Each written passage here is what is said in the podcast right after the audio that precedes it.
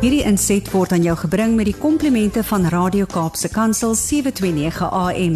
Besoek ons gerus by www.cape pulpit.co.za. Hallo Gilma, dit is so lekker om weer met jou vandag te gesels. Ek hoop dit gaan goed. Almal 'n goeie week het.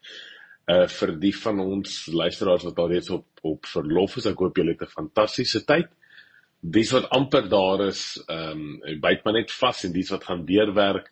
Ons is baie dankbaar vir julle wat ehm um, en vir die mense wat in hierdie tyd selfs wanneer daar 'n bietjie 'n uh, feestyd en so voort is, nog steeds aanhou aanhou werk en en regtig dinge doen en mense help en positiewe invloed en impak het uh daar waar julle is.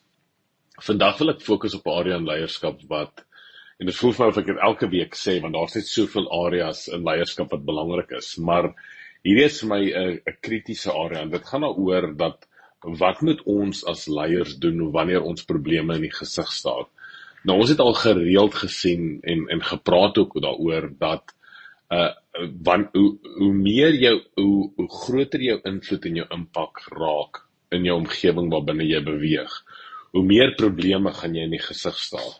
So wanneer jy in 'n plek is en so voort sê nie 'n uh, 'n uh, probleem in die gesig staar nie, dan moet jou vraag wees, hoeveel invloed en impak het jy in die omgewing waar jy is? So want ons moet net weet uit die aard van dat ons kinders van die Here is, jy as lig in 'n donker wêreld in beweeg en daar gaan probleme en uitdagings wees wat jy in die gesig staar. So die belangrike ding is is om te vra wat moet jy doen as leier wanneer jy die probleme in die gesig staar en hoe help jy ander gelowiges en ander mense wat spesifiek uh fokus daarop om invloed en impak te hê wanneer daar probleme nie eh, wanneer wanneer daar probleme na vore kom.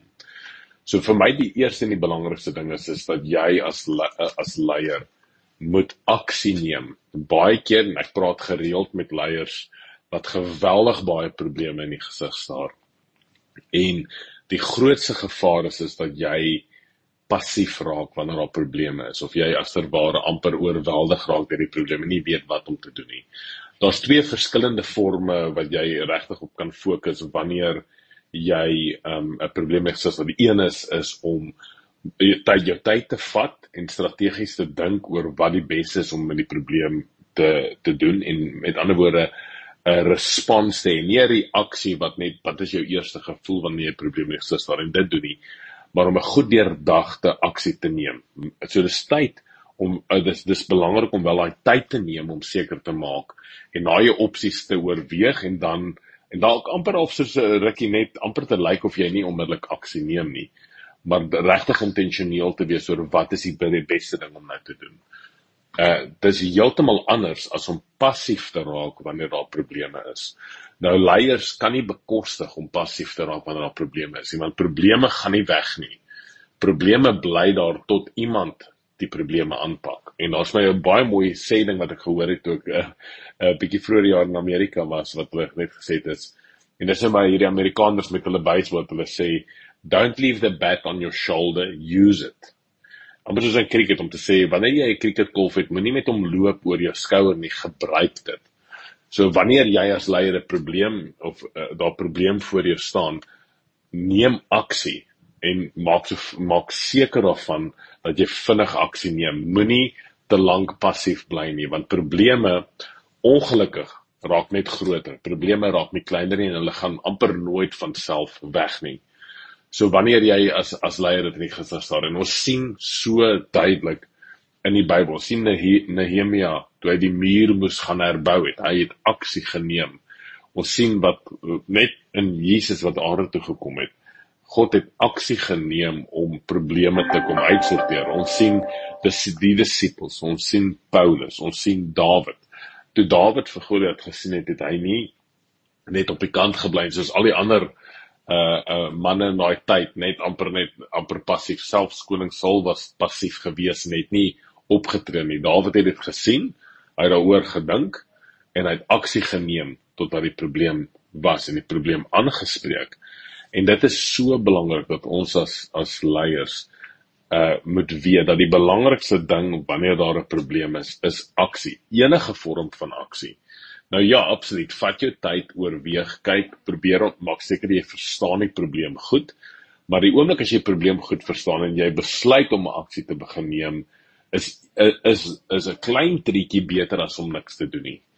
En dit is regtig waar my gebed vir julle as as leiers, ehm um, die res van hierdie jaar en volgende jaar wanneer daar probleme is, neem die tyd, verstaan die probleem, maar wanneer jy weet wat jy moet doen, doen dit. Moenie wag nie.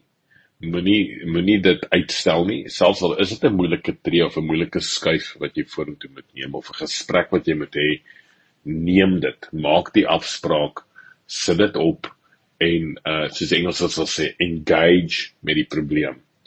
Dis die enigste manier hoe probleme opgelos gaan raak. En maak nie saak hoe groot die probleem of oorweldigend die probleem lyk nie. Die grootste afstande wat nog ooit geloop is of gery is, begin met 'n klein bietjie triekie vir triekie vir triekie. So julle is geweldig baie in ons gebeure.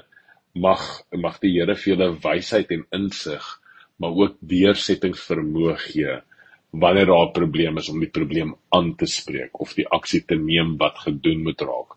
En sodoende 'n verskil in die wêreld te gaan bring na buite. Uh ek eindig net so laas as met ons definisie van leierskap.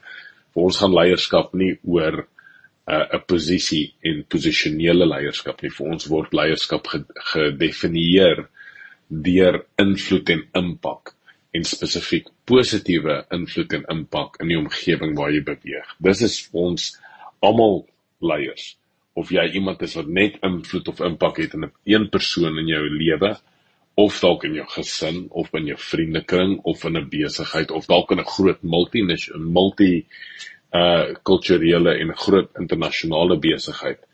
Uh on, vir ons is dit belangrik dat jy as as persoon besef jy het invloed en impak.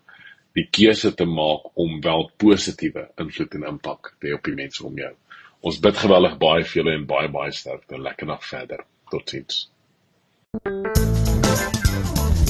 Hierdie inset was aan jou gebring met die komplimente van Radio Kaapse Kansel 729 AM. Besoek ons gerus by www.cape pulpit.co.za.